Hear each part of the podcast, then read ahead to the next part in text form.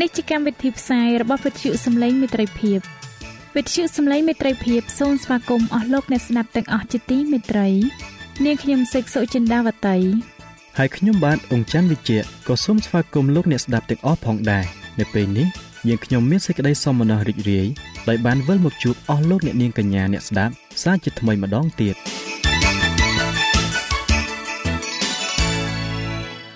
នាងខ្ញុំសេកសុចិន្តាវតី សូមជម្រាបជូនកម្មវិធីផ្សាយដែលមានជាបន្តបន្ទាប់ដូចតទៅនេតិបទទំនាយនិងប្រវត្តិសាស្ត្រនេតិ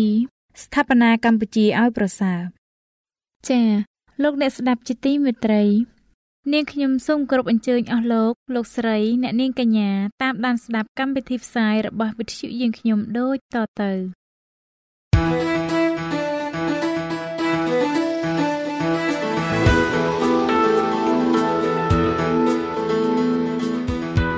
សូមជូននីតិបទទំនាយនិងប្រវត្តិសាស្ត្រ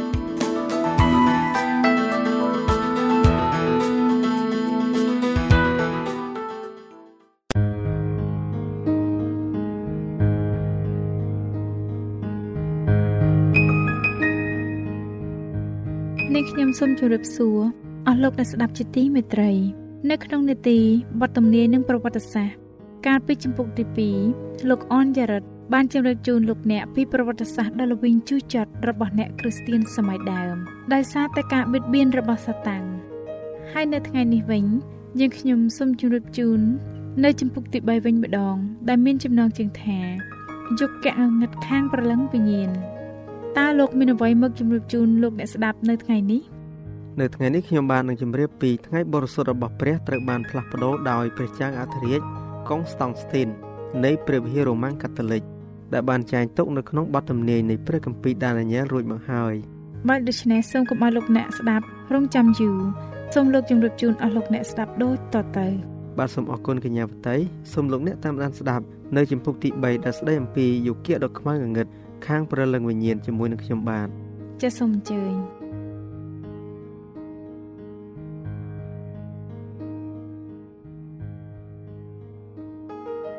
ជំពូកទី3ទំព័រទី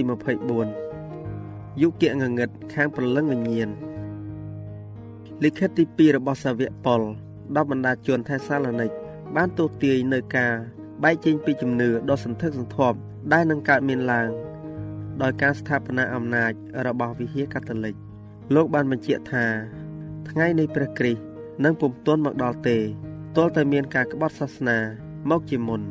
ហើយមនុស្សដែលជាតួបាបនោះ បានលេចមក គឺជាមនុស្សដែលត្រូវហិនវិនាសដែលទាស់ទទឹងហើយនឹងលើកខ្លួនឡើងខ្ពស់លើសជាង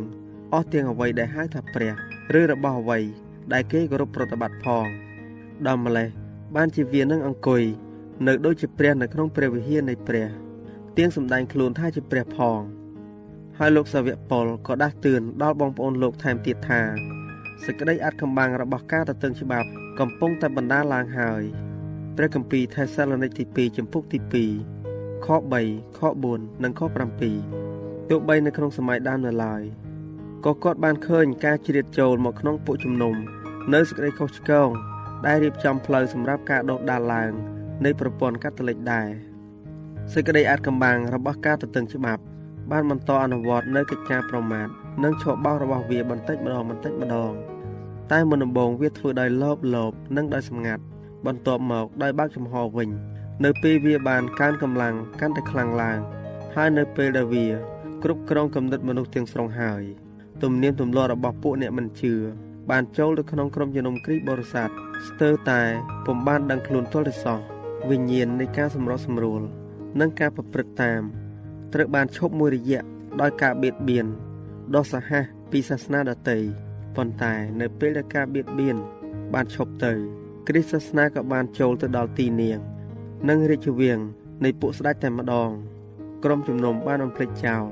នៅភាពសាមញ្ញខាងការបន្ទាបខ្លួនរបស់ព្រះគ្រីស្ទនិងពួកសាវកហើយបែរមកទទួលយកដំណើរអធិអធមនិងដំណើរប្រកាន់រឹកខ្ពស់របស់ពួកសង្ឃនិងពួកអ្នកដឹកនាំដែលកាន់សាសនាដទៃទៅវិញ ហើយវិហារក៏បានយកទំនៀមទម្លាប់និងទ្រឹស្ដីរបស់មនុស្សមកជំនួសសេចក្តីតម្រូវរបស់ព្រះ ការផ្លាស់ប្រែតែសម្បកខាងក្រៅរបស់ព្រះចៅអធិរាជកុងស្តង់ស្ទីន នៅដើមសតវត្សទី4បណ្ដាលឲ្យមានការអសប្បាយជាខ្លាំងហើយលោកីដែលបានបំពាក់ពីក្រៅដោយសន្តាននៃភាពសុចរិតក៏បានដើរចូលទៅក្នុងព្រះវិហារឥឡូវនេះកិច្ចការនៃអំពើពុករលួយ បានចម្រើនឡើងយ៉ាងឆាប់រហ័សសាសនាដតីក្នុងពេលដែលមើលទៅហាក់ដូចជា មានជ័យជំនះហើយក៏คล้ายទៅជាអ្នកចម្បាំងទន្ទ្រានយកតែម្ដង វិញ្ញាណរបស់លទ្ធិនេះក៏បានគ្រប់គ្រងលើក្រុមជំនុំគោលលទ្ធិនិងជំនឿឆ្វេងរបស់លទ្ធិនេះត្រូវបានបញ្ចូលទៅក្នុងជំនឿរបស់ពួកអ្នកដែលអះអាងថាជាសិស្សរបស់ព្រះគ្រីស្ទការសម្របសម្រួលរវាងសាសនាដទៃនិងគ្រីស្ទសាសនាបានបណ្ដាលឲ្យកើតមាន មនុស្សដែលជាតួបាបដោយមានចែងនៅក្នុងបទធម្នាយថារឹងតតឹងហើយលើកតម្កើងខ្លួនឲ្យខ្ពស់ជាងព្រះ ប្រពន្ធដ៏មហិមានៃសាសនាខ្លាំងៗនោះ គឺជាស្នាដៃឯកមួយនៃអំណាចរបស់សាតាំងជាវិមាននៃការខិតខំដាក់ខ្លួនវាអង្គុយនៅលើបល្ល័ង្កដើម្បីត្រួតត្រាផែនដី ទៅតាមអំពើចិត្តរបស់វា មានគ្រាមមួយនោះសាតាំងបានខ្នះខ្នែងធ្វើការសម្រុកសម្រួលជាមួយនឹងព្រះគ្រីស្ទសាតាំងបានមកឯព្រះរាជបុត្រានៃព្រះនៅក្នុងទីរហោស្ថាននៃសេចក្តីល្បួងរួចបង្ហាញដល់ទ្រង់ទាំងអស់នៅអំណាចលោកី ហើយនឹងសេរីរុងរឿងនៃរបស់ទាំងនោះទៀងថានឹងប្រគល់អ្វីៗទាំងអស់ទៅក្នុងព្រះហស្ថរបស់ទ្រង់បើព្រះអង្គគ្រាន់តែទទួលស្គាល់ឧត្តមភាពរបស់ស្ដេចនៃសេចក្តីងងឹតព្រះគ្រីស្ទបានបន្ទោសដល់មេលបួងដ៏មិនចេះកោតក្រែងនេះរួចក៏ដេញវាចេញប៉ុន្តែសាតាំងបានទទួលជោគជ័យដ៏ធន់សម្បើមនៅក្នុងការសម្ដែងសេចក្តីល្បងដដែលនោះដល់មនុស្សដើម្បីរក្សាផលប្រយោជន៍លោកីនិងកិត្តិយសក្រុមជំនុំបានទៅជាពឹងពាក់ និងទៅរកការគ្រប់គ្រងពីវីរៈបរោះនៃផែនដី ហើយបន្ទាប់ពីបានបដិសេធព្រះគ្រីស្ទរួចហើយក្រុមជំនុំត្រូវបានគេអន្តងឲ្យប្រគល់ភក្តីភាពចំពោះតំណាងរបស់សាតាំងគឺសង្ឃរាជនៃរ៉ូមគឺជាគោលលទ្ធិដឹកនាំមួយរបស់លទ្ធិរ៉ូមនិយម ដែលឲ្យទទួលស្គាល់បាបថាជាសេរសាជាក់ស្ដែង នៃក្រុមជំនុំរបស់ព្រះគ្រីស្ទនៅទូទាំងពិភពលោក ទៀងប្រកបដោយ ឧត្តមអញ្ញាធរពីពួកសង្គ្រាចនិងពួកគ្រូកងវិលនៅគ្រប់ទិសទីនៃពិភពលោកទៀតផង លើសពីនេះទៅទៀតស្ដេចបាបត្រូវបានប្រគល់ឋានន្តរស័ក្តិជាព្រះ គេបានសម្ដៅទៅបាបថាព្រះដ៏ជាអម្ចាស់បាបព្រមទាំងបានប្រកាសថា ជាអ្នកដែលមិនចេះខុសសោះទៀតផងលោកទាមទារឲ្យមនុស្សគ្រប់រូបគោរពលោក ការអះអាងដដែលនេះដែលសតាំងបានលើកតម្កើងនៅក្នុងព្រះវិហារ នៅក្នុងទីរហោស្ថាននៃសេចក្តីល្បួងក៏នៅតែជំរុញដោយវាដដែលតាមរយៈព្រះវិហាររ៉ូមហើយមនុស្សដ៏សន្ធឹកសន្ធាប់ត្រៀមខ្លួនជាស្រេចដើម្បីនឹងគោរពស្ដេចបាបប៉ុន្តែអស់អ្នកដែលគោរពកោតខ្លាចដល់ព្រះ បានតតល់នឹងសេចក្តីប្រហើនដែលផ្កើនដល់ស្ថានសួគ៌ដូចជាព្រះគ្រីស្ទបានតតល់នឹងសេចក្តីល្បងរបស់សាតាំងដែរព្រះគម្ពីរលូកាបានចែងថាត្រូវឲ្យឯងថ្វាយបង្គំដល់ព្រះអម្ចាស់ជាព្រះនៃឯង ហើយត្រូវគោរពដល់ទ្រង់តែមួយអង្គប៉ុណ្ណោះព្រះគម្ពីរលូកាចំពុកទី4ខ8ព្រះទ្រង់ពុំដែលមានចែងនៅក្នុងព្រះបន្ទូលរបស់ព្រះអង្គថាទ្រង់បានតែងតាំងនរណាម្នាក់ឲ្យធ្វើជាសេរសានៃព្រះវិហារឡើយគោលលទ្ធិនៃអដមភាពរបស់កាតូលិកគឺប្រឆាំងនឹងសេចក្តីបង្រៀនរបស់បទគម្ពីរទាំងស្រុងស្ដេចបាបពុំអាចមានអំណាចទៅលើក្រុមជំនុំរបស់ព្រះគ្រីស្ទបានទេលើកលែងតែដោយការដណ្ដើមយកតែប៉ុណ្ណោះពួកកាតូលិករ៉ូម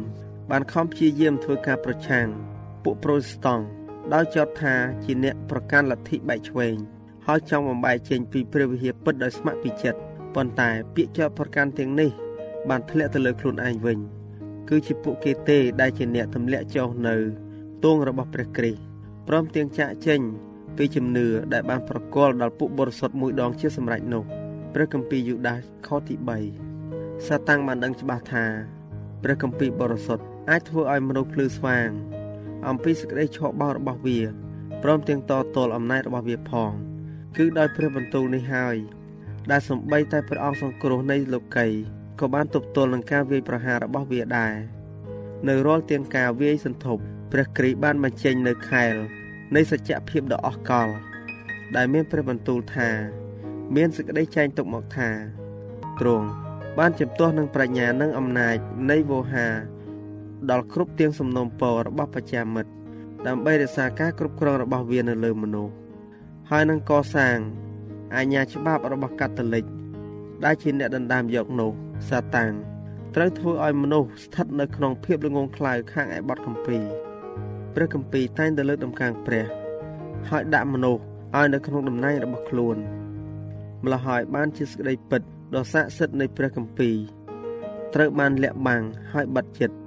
នេះគឺជាគំនិត ដែលព្រះវិហាររមប្រកាន់យក ការចែកចាយព្រះគម្ពីរត្រូវបានហាមឃាត់អស់រាប់រយឆ្នាំព្រមទាំងមិនអនុញ្ញាតឲ្យបណ្ដាជនអាន ឬមានទុកនៅក្នុងផ្ទះឡើយហើយពួកសង្ឃនិងពួកសង្ឃជួនខ្ពស់ដែលឥតវិន័យបានបកស្រាយសេចក្តីបង្រៀននៃព្រះគម្ពីរដើម្បីទ្រទ្រង់សេចក្តីកម្ពត់របស់ខ្លួនម្ល៉េះហើយស្ដេចបាបត្រូវបានគេទទួលស្គាល់ស្ទើរតែទូទាំងសកលលោក ថាជាអ្នកតំណាងព្រះគ្រីស្ទនៅផែនដី ដែលបានទទួលអំណាចគ្រប់គ្រងលើព្រះវិហារនិងរដ្ឋអស់លោកអ្នកស្ដាប់ជាទីមេត្រីតើហេតុអ្វីបានជាថ្ងៃបរិសុទ្ធត្រូវបានផ្លាស់ប្ដូរហើយនរណាជាអ្នកផ្លាស់ប្ដូរថ្ងៃបរិសុទ្ធបន្ទាប់ពីការដកអ្នកតាមដានកំហុសចេញហើយសាតាំងក៏បានធ្វើទៅតាម តែអំពើចិត្តរបស់វាបទទំនាយនៅក្នុងព្រះគម្ពីរដានីយ៉ែលបានបញ្ជាក់ថាប្រពន្ធកាតូលិកនឹងគិតបំផ្លាស់បំប្រែពេលកំណត់នឹងច្បាប់ផង ព្រះគម្ពីរដានីយ៉ែលចំពុកទី7ខ25ឃើញថាការនេះបានចាប់ផ្ដើមយ៉ាងឆាប់រហ័សដើម្បីឲ្យអ្នកជឿសាសនាដទៃកែប្រែចិត្តជឿផងដែរនោះគេបានយករូបចម្លាក់ចូលមកក្នុងព្រះវិហារដើម្បីថ្វាយបង្គំហើយការសរសើររូបភាពនិងវត្ថុបុរាណបានជ្រួតជ្រាបចូលក្នុងពិធីគោរពថ្វាយបង្គំនៃគ្រិស្តសាសនាបន្តិចម្ដងបន្តិចម្ដងនៅទីបំផុតបទបញ្ជារបស់ក្រមប្រឹក្សាជាន់ខ្ពស់ បានស្ថាបនាប្រព័ន្ធនៃការថ្វាយបង្គំនេះដើម្បីបង្ហើយនៅកិច្ចការប្រមាថរ៉ូមក៏លុបចោលពីច្បាប់របស់ព្រះ នៅក្រឹតវិន័យទី2ដែលហាមមិនឲ្យថ្វាយបង្គំរូបហើយបំបែកក្រឹតវិន័យទី10ជា2ដើម្បីឲ្យនៅតែមានចំនួន10ដដែល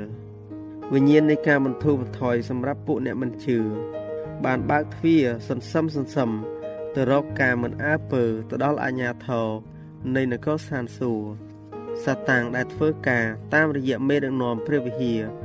ដែលគ្មានការអត់ទិសទៅរកព្រះក៏បានជន់ឈ្លីដល់ក្រឹតវិន័យទី4ដែរគឺបានព្យាយាមបោះបង់ថ្ងៃបរិសុទ្ធពីបុរាណជាថ្ងៃដែលព្រះទ្រង់បានប្រទានពរព្រមទាំងញែកជាបរិសុទ្ធផងដែលមានចែងនៅក្នុងព្រះគម្ពីរលោកុបាទចំពុកទី2ខ2និងខ3រួចហើយបែរទៅលើកដំកើងថ្ងៃនៃបុណ្យរបស់ពួកអ្នកមិនជឿដូចជាការគោរពថ្ងៃនៃព្រះអាទិត្យជាដើម មុនដំបូងការផ្លាស់ប្ដូរនេះពុំបានធ្វើឡើងដោយចំហទេ នៅក្នុងសតវត្សទី1ថ្ងៃបរិសុទ្ធពិតប្រាកដត្រូវបានរក្សាដោយពួកអ្នកគ្រីស្ទានទាំងអស់ពួកគេពុំចង់ឲ្យអ្នកដតីបង្អាប់កិត្តិយសរបស់ព្រះទេ ហើយជឿថាច្បាប់របស់ព្រះពុំអាចផ្លាស់ប្ដូរបានឡើយពួកគេបានរក្សាយ៉ាងខ្ជាប់ខ្ជួននៅសិក្ខាបទដ៏ពិសិដ្ឋប៉ុន្តែដោយកលល្បិចដ៏ប៉ិនប្រសប់ សាតាំងបានធ្វើការតាមរយៈភ្នាក់ងាររបស់វា ដើម្បីសម្រេចគោលបំណងរបស់វា ដើម្បីធ្វើឲ្យមនុស្សមានការចាប់ចិត្តចំពោះថ្ងៃអាទិត្យ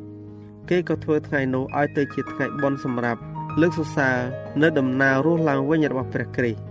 ពិធីប្រជុំខាងសាសនាក៏បានធ្វើឡើងនៅថ្ងៃនេះដែរព្រមទាំងចាត់ទុកថាជាថ្ងៃនៃការកំសាន្តសប្បាយឯថ្ងៃបរិសុទ្ធឬថ្ងៃសបាតគេនៅតែរក្សាជាបរិសុទ្ធដដែល ដើម្បីសម្រេចនៅកិច្ចការដែលវាបានរៀបចំឡើងសម្រាប់មុនពេលព្រះគ្រីស្ទយាងមកសាតាំងក៏បានដឹកនាំនៅពួកយូដាឲ្យផ្ទុកទៅលើថ្ងៃបរិសុទ្ធនៅប្រការដ៏លំបាកលំបាកជាបន្ទុកដ៏ធ្ងន់ធ្ងរដល់អ្នករក្សាថ្ងៃបរិសុទ្ធនោះឥឡូវនេះ ដើម្បីទាញយកផលប្រយោជន៍នៃពន្លឺคล้ายៗដែលវាបណ្ដាលឡើងឲ្យពួកគេអោបក្រសោបនោះវាក៏បញ្ចេញសេចក្តីស្អប់ខ្ពើមដល់ថ្ងៃបរិសុទ្ធ ថាជាស្ថាប័នរបស់ពួកយូដាទៅវិញ ក្នុងពេលដែលពួកអ្នកគ្រីស្ទៀននៅតែថែរក្សាថ្ងៃអាទិត្យជាទូទៅទុកជាថ្ងៃបុណ្យអសប្បាយវាបាននាំពួកគេឲ្យធ្វើថ្ងៃសបាតជាថ្ងៃតមអត់គឺជាថ្ងៃនៃសេចក្តីទុក្ខព្រួយ និងអរិយស្មី ដើម្បីឲ្យគេស្អប់ដល់សាសនារបស់ពួកយូដា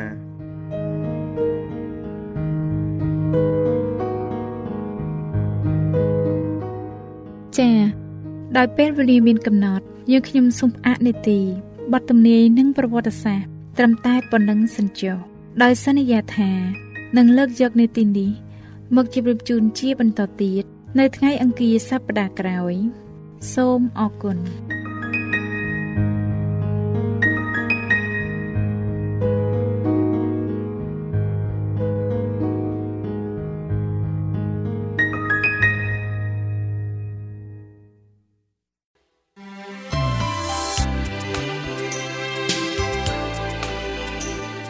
Visual សំឡេងមេត្រីភាព AWR ជាវិទ្យុដែលនាំមុខគេក្នុងការនាំព្រះរាជសាររបស់ព្រះជាម្ចាស់សម្រាប់លោកអ្នក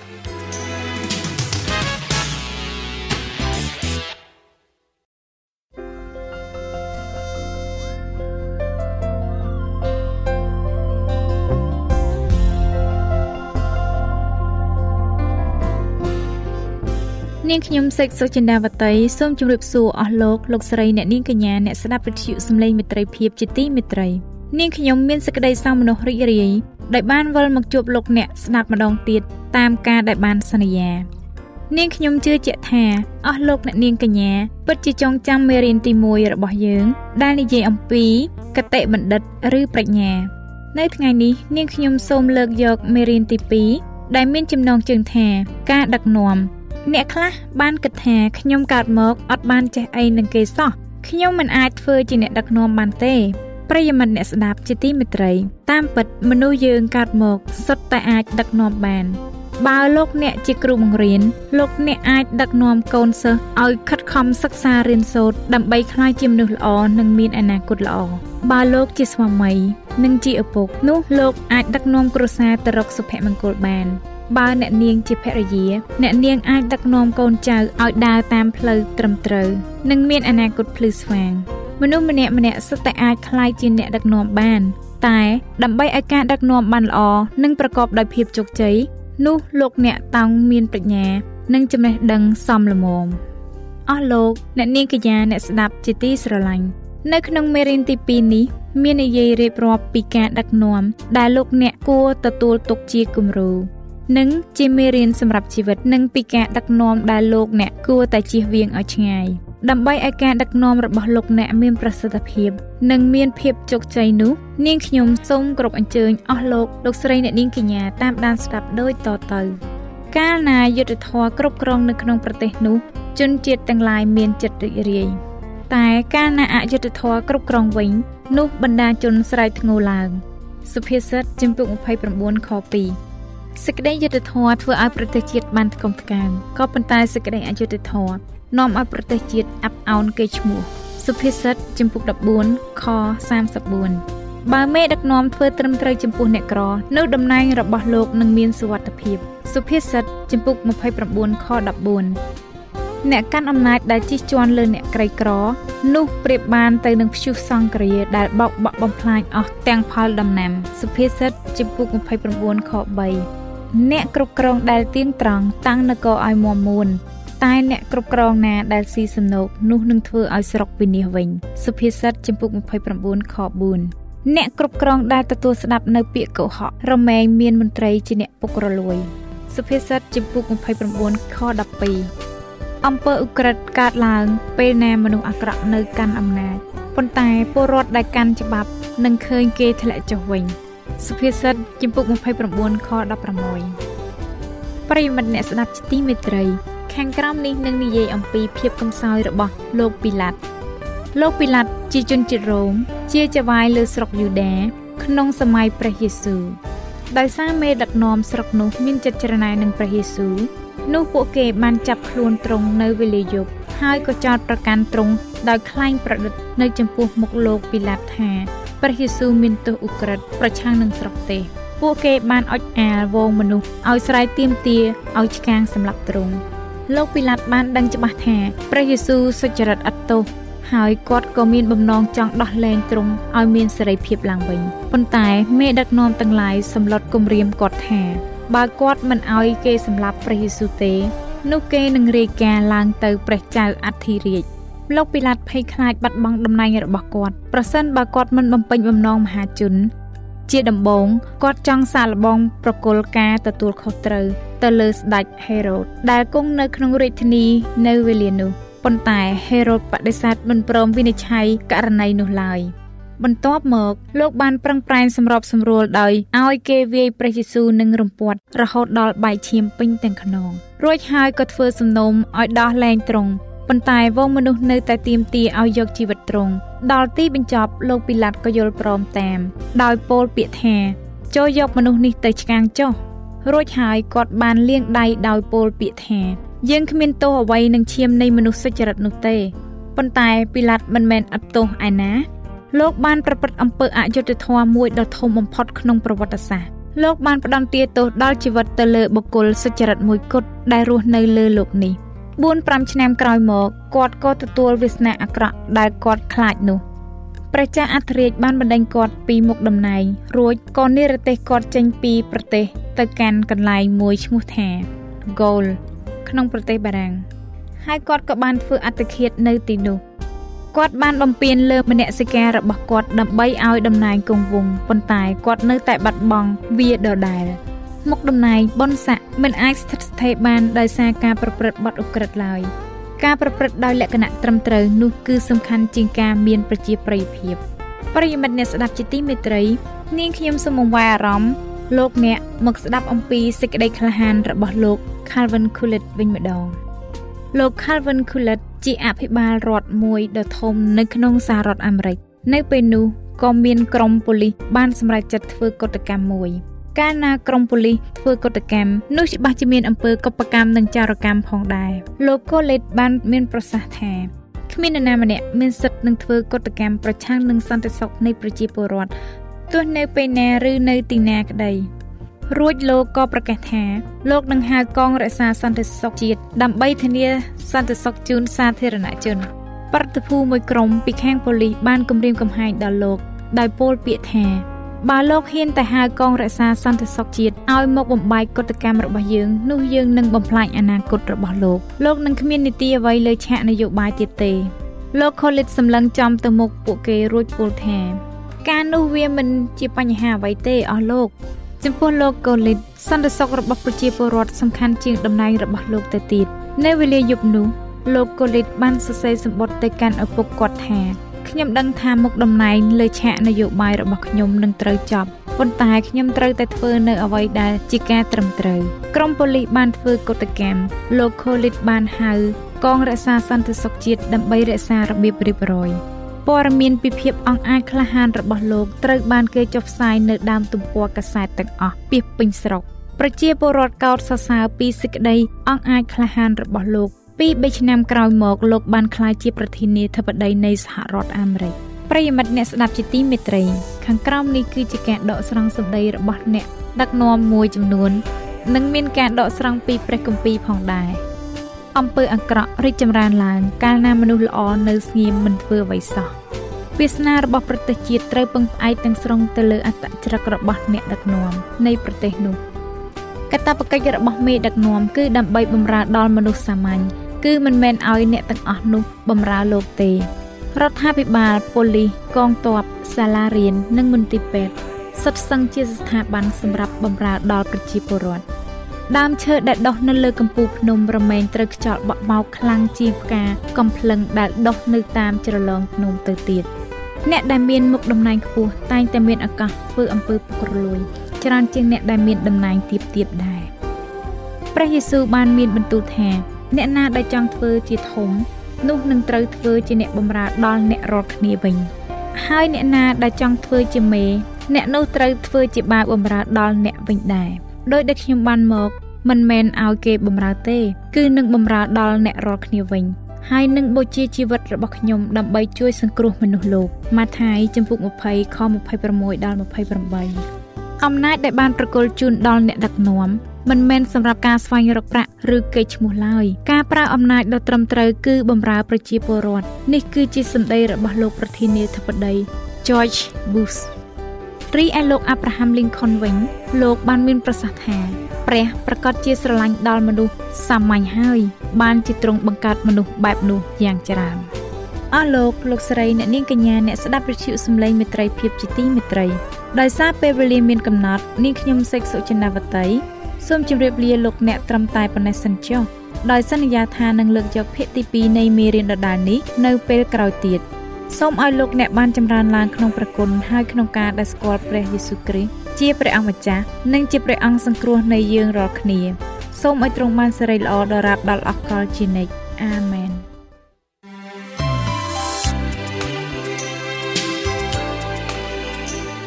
វិទ្យុសំឡេងមេត្រីភាព AWR មានផ្សាយពីរដងក្នុងមួយថ្ងៃ គឺព្រឹកនៅម៉ោង6និងពេលយប់នៅម៉ោង8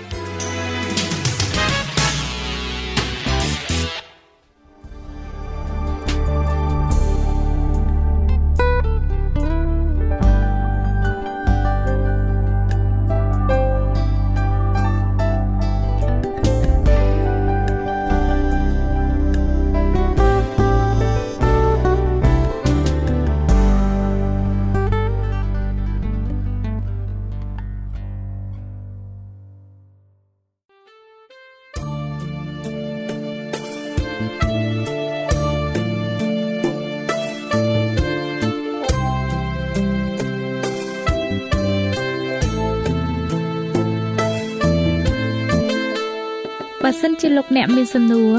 ឬសំណុំពរអ្វីសូមតាក់ទងមកការិយាល័យវិទ្យុយើងខ្ញុំ តាមអាស័យដ្ឋានផ្ទះលេខ15ផ្លូវលេខ568សង្កាត់បឹងកក់2ខណ្ឌទួលគោករាជធានីភ្នំពេញលោកអ្នកក៏អាចសរសេរសម្បត្តិផ្ញើមកយើងខ្ញុំ តាមរយៈប្រអប់សម្បត្តិលេខ488ភ្នំពេញឬតាមទូរស័ព្ទលេខ012 34 96 64ឬ097 80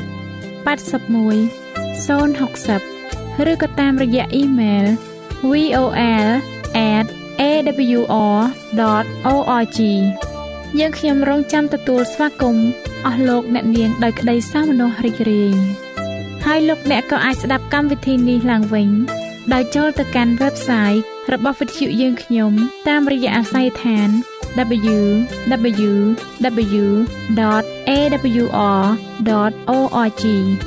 លោកអ្នកនាងកញ្ញាជាទីមេត្រី កម្មវិធីផ្សាយរបស់វិទ្យុសំឡេងមេត្រីភាពនៅពេលនេះសូមបញ្ចប់តែប៉ុណ្ណេះយើងខ្ញុំសូមអរគុណចំពោះការតាមដានស្ដាប់របស់អស់លោកអ្នកតាំងពីដើមរហូតដល់ចប់យើងខ្ញុំសូមជូនពរឲ្យអស់លោកអ្នកនាងកញ្ញាទាំងអស់ បានចម្រើនឡើងក្នុងព្រះគុណព្រះអង្គម្ចាស់ហើយក្នុងការទទួលយកព្រះយេស៊ូវគ្រីស្ទជាព្រះអង្គម្ចាស់និងជាព្រះអង្គសង្គ្រោះនៃយើងរាល់គ្នានាទីផ្សាយរបស់វិទ្យុយើងខ្ញុំនឹងវិលមកជួបអស់លោកអ្នកសាជាថ្មីម្ដងទៀតនៅថ្ងៃស្អែកវេលាម៉ោងដដែលនាងខ្ញុំសេកសុចិន្តាវតីនិងខ្ញុំបាទអ៊ំច័ន្ទវិជ្ជៈសូមអរគុណសូមជម្រាបលា